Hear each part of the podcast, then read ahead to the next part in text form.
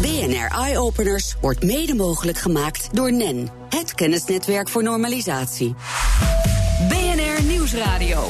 BNR Eye Openers. De jeugd heeft de toekomst en de jeugd moet daarom exacte vakken gaan studeren. En om ze op de middelbare school daarvoor al een beetje warm te laten lopen, heeft 3M de Science Challenge bedacht. Teams van scholieren gaan de strijd met elkaar aan met innovatieve ideeën. En we komen nu vanaf de finale dag in het 3M-gebouw in Delft. Laten we eens even luisteren hoe het er in de zaal voor staat, waar die scholieren straks nog een laatste pitch mogen gaan doen. Ja, ze hebben er, uh, ze hebben er duidelijk uh, zin in daar. Ook wel een hoop uh, gespannen gezichten hier en daar. We spreken straks ook met alle finalisten. Maar nu eerst naar Marina Fernout, managing director van 3M Benelux. Marina, kun je ons iets meer vertellen over de achtergrond van die Science Challenge? Ja, heel graag zelfs. dat heeft alles te maken met de uitdagingen die wij hebben in de maatschappij. zoals bijvoorbeeld de onveiligheid de vergrijzing in de maatschappij eh, die we kennen. Uh, als ook uh, zuiver water, het ontbreken van grondstoffen, die worden steeds schaarser. En wij hebben gemeend om dat als uitgangspunt te nemen. Om eigenlijk middelbare scholieren aan te zetten om met techniek en science aan de slag te gaan op een uh, ludieke wijze ja. middels uh, een wedstrijd. Ja, en de jeugd heeft de toekomst, dus daar moet je ook beginnen, kan ik me zo voorstellen. Ja, dat dachten wij ook. En, daarom organiseren jullie ook deze Science Challenge dus. Ja, dat klopt. Uh, 3M is een technologisch bedrijf, hè, want je moet altijd uitgaan van je eigen sterktes.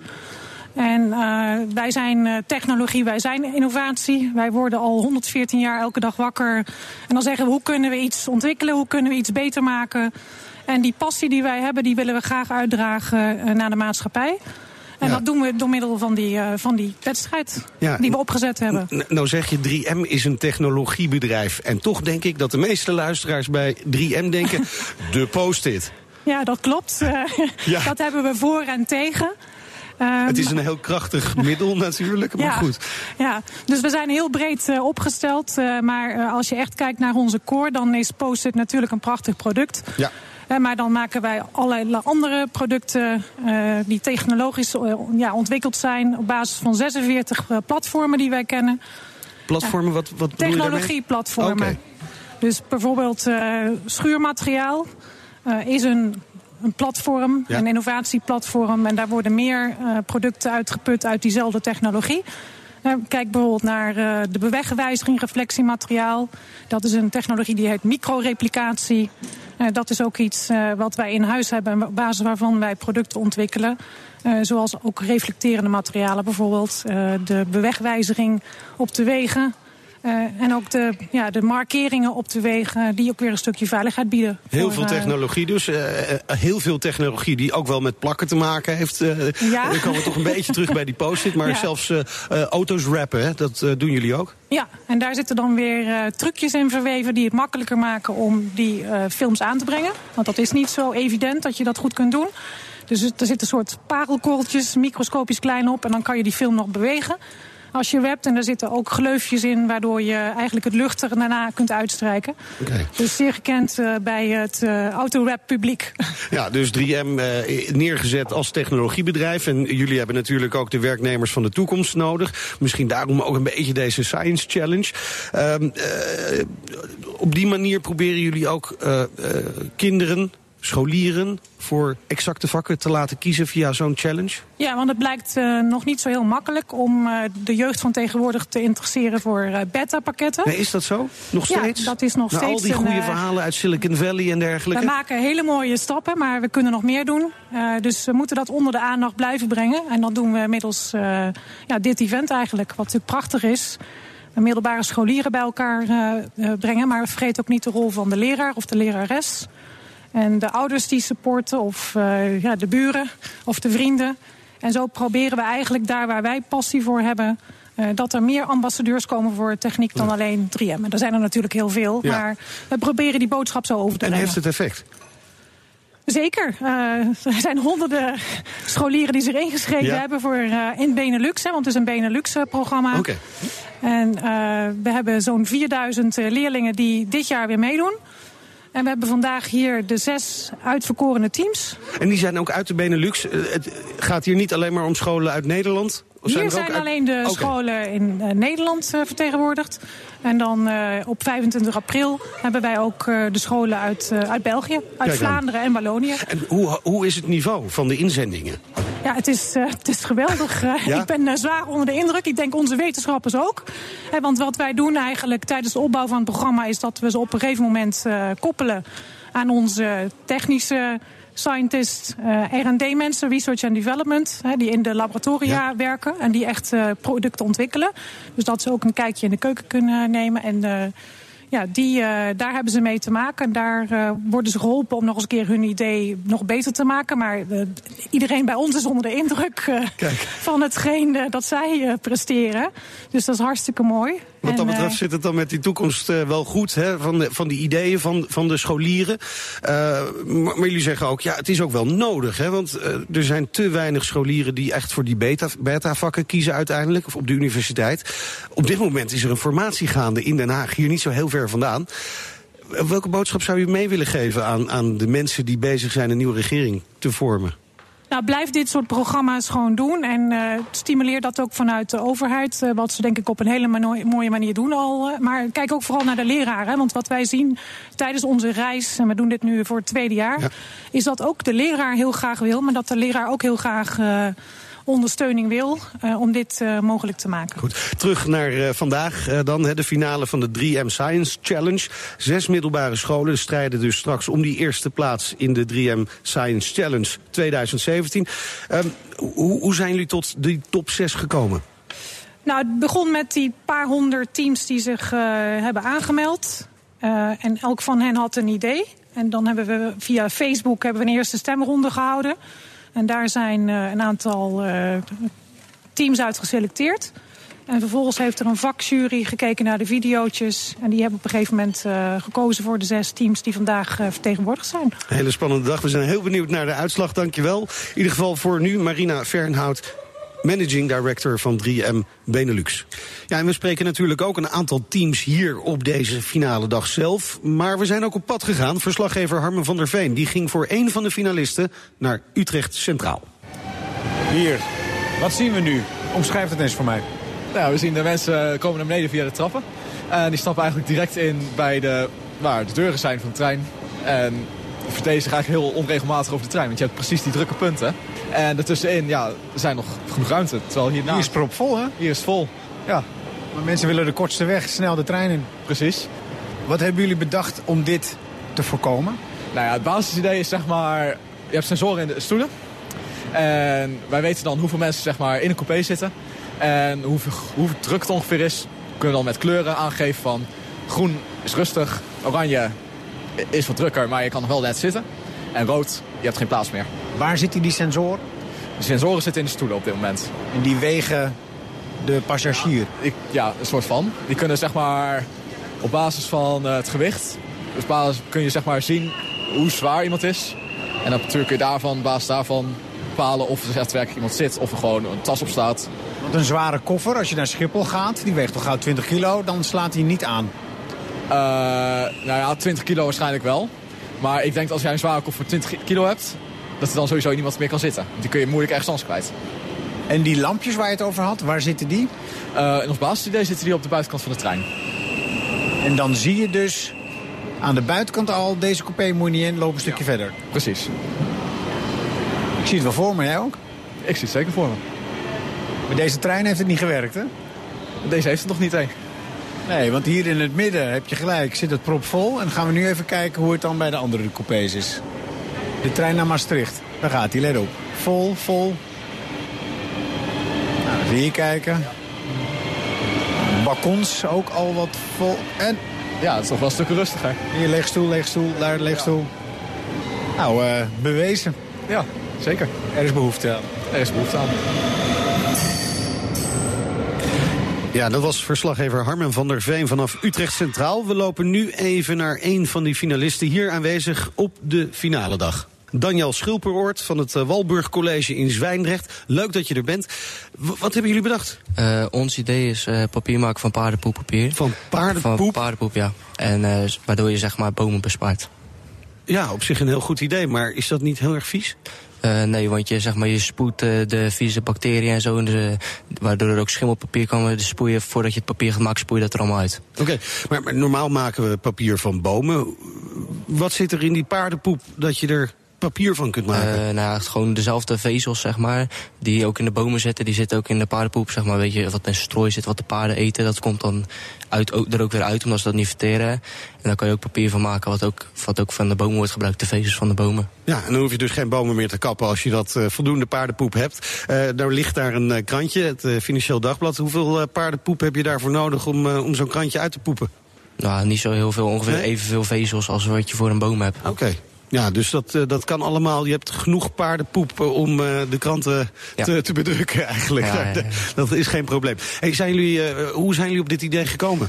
Ja, we gingen allemaal brainstormen en we kwamen meer op het idee van... we hadden allemaal ideeën bij elkaar verzameld wat de problemen waren... en we kwamen ook op het idee dat er te veel bomen werden gekapt. Ja. En dan gingen we dus een idee voor bedenken, want er werd heel veel papier gemaakt van bomen. En dan zijn we erop gekomen op uh, paardenpoep, om het van paardenpoep ja. te maken. Nou wordt er nog veel meer gepoept, niet alleen door paarden, ook door onszelf, mensen, maar koeien. Kun je daar ook allemaal papier van maken of is dat moeilijker? Nou, dat is moeilijk omdat zeg maar, een koe die heeft vijf magen, die verteert alles twee keer... waardoor er meer vezels worden verteeld en je veel meer poep nodig hebt voor een bepaalde hoeveelheid vezels.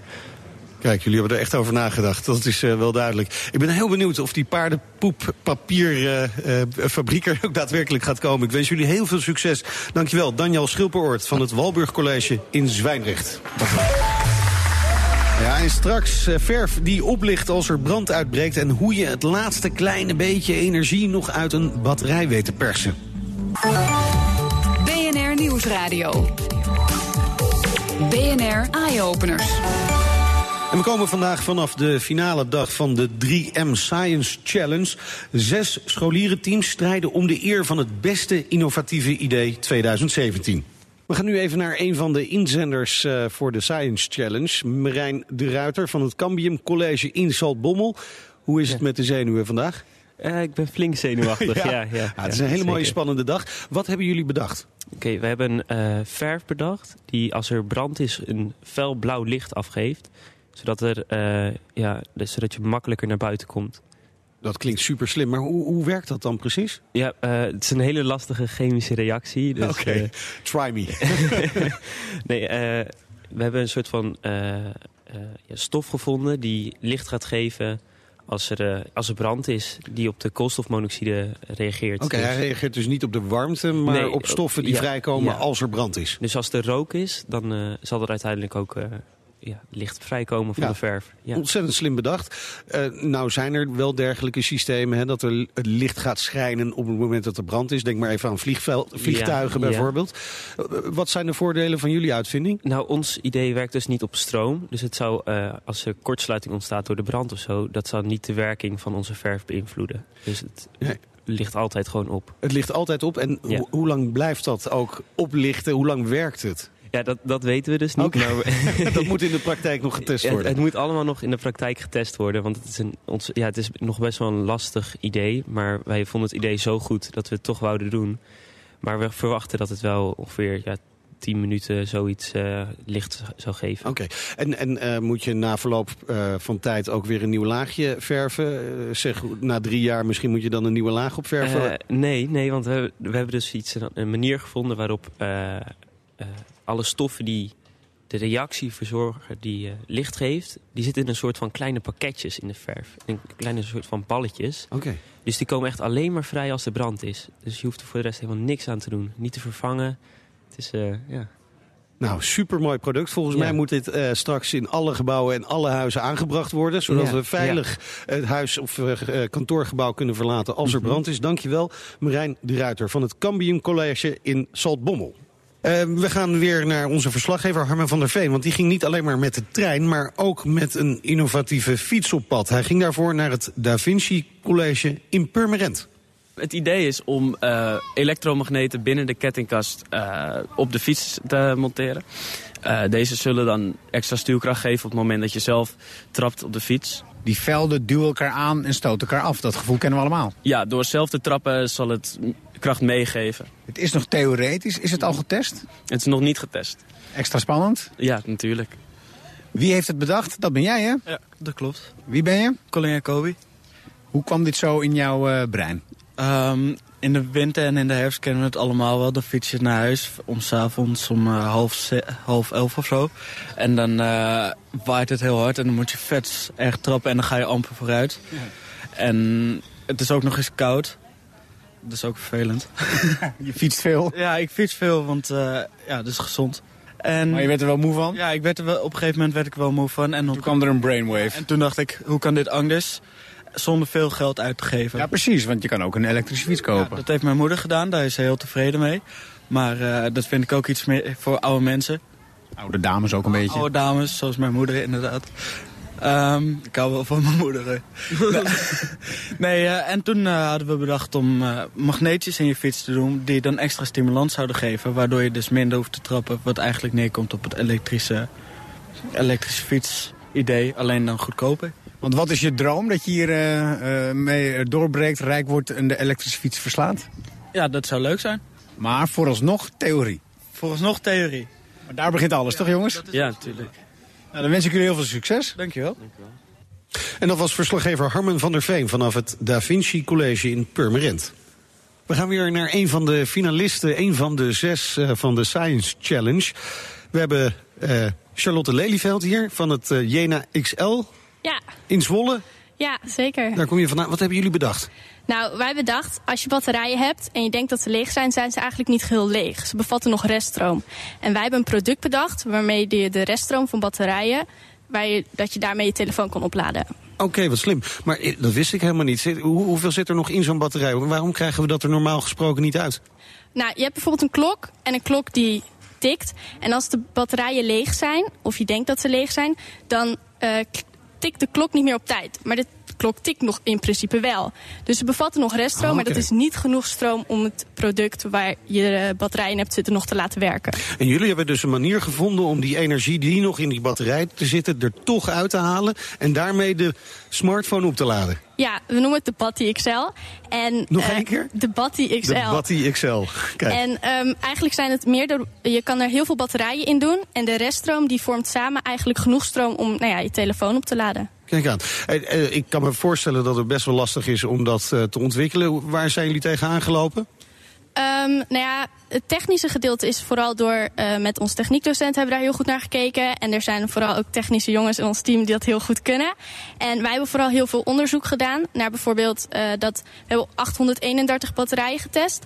En daarvan kwamen we eruit dat 53,7% nog reststroom bevatten. Dus eigenlijk nog niet geheel leeg zijn. Oké, En dus daarop meer zijn we dan ook- de helft. Ja, meer dan de helft. En, en daar zijn jullie op verder gegaan. Maar nou kan ik me voorstellen dat als je heel veel batterijen... Hoeveel batterijen heb je nodig eigenlijk om zo'n telefoon te vullen? Ehm, nou ja, dat verschilt een beetje natuurlijk. Ligt er ook aan wat voor type batterij het is. En ook hoeveel reststroom het nog bevat. Eh, we hebben wel gekeken naar een, bijvoorbeeld een accu die je erin zou kunnen doen. Dus dat je sowieso je batterij erin kan doen en dat het zo oplaadt. Kijk, dat is slim. Want dan hoef je dus niet meer na te denken pas de batterij in te doen als je telefoon leeg is. Ja, maar je, precies. je laat gewoon de accu op. Ja, En eh, hoe groot is dat apparaat dan? Eh, nou we hebben twee versies gemaakt. Eentje is echt een hele grote bak. En eh, daar hadden we echt inderdaad ook gekeken naar bijvoorbeeld ehm, winkels, openbare plekken, eh, vliegvelden. En eh, toen hebben we het gepresenteerd aan onze ouders en aan de gedeputeerde van de provincie in Overijssel. En eh, toen kwamen we er eigenlijk al heel snel achter dat we zoiets hadden van mensen willen dit eigenlijk ook heel graag gewoon thuis hebben. Ja. Dus toen hebben we een kleinere versie gemaakt. En die is inderdaad gewoon voor thuisgebruik. Nou, we zijn benieuwd of dat eh, allemaal echt op de markt gaat komen. Ik vind het een hartstikke mooi idee. En eh, ja, het zou toch mooi zijn als we die batterijen inderdaad straks in de toekomst helemaal leeg kunnen halen. Ja, precies. Dankjewel, Charlotte Lelyveld van Ja, Jena XL in Zwolle. BNR Nieuwsradio. BNR Eye Openers. En we hebben weer een eh, finalist eh, bij de microfoon. Emiel de Kam van het Maris College in Den Haag. Bijna een thuiswedstrijd eh, voor jullie. Je kunt bijna lopen hier naartoe. Ja, loopafstand. Ja, loopafstand. Hey, zeg, wat hebben jullie bedacht? We hebben een manier bedacht om water te verkrijgen in droge gebieden waar het eigenlijk moeilijk is om aan water te komen. Door middel van condensatie. Hoe Dus- werkt het? Nou, ehm, warme lucht van boven de grond wordt onder de grond gebracht in een buiensysteem. En ehm, omdat het onder de grond een stuk koeler is, eh, laat de warme lucht uiteindelijk water los. En dat druppelt in een eh, watertank onder het systeem. Ja, gewoon eigenlijk de simpele wetten van de natuur. Ja, Daar precies. maken jullie gebruik van eigenlijk. Ja. Heel slim. Oké, en eh, dat hebben jullie ook al getest? Um, we, hebben we hebben een maquette gemaakt om condensatie eigenlijk aan te tonen. Ja. Um, daar hebben we eigenlijk een versnelde weergave gedaan van hoe we, of het, de kou van de metalen plaat uiteindelijk ook condensatie vormt. En dat is uh, ook gelukt. Dat is allemaal gelukt. Ja. Dus eigenlijk uh, moet dit gewoon in productie uh, ge, gebracht worden en dan naar gebieden gebracht worden waar, wij, waar het weinig regent. Daar komt het op neer. Ja, precies. Natuurlijk. Ja. En, en, en dat kan dan ook vrij simpel? Um, hoe bedoelt u het simpel? Nou ja, het, zitten er veel moeilijke technieken aan vast? Is het, is het, is het makkelijk te maken? Nou, op zich is de techniek is eigenlijk al bekend. Het is gewoon condensatie. Ja.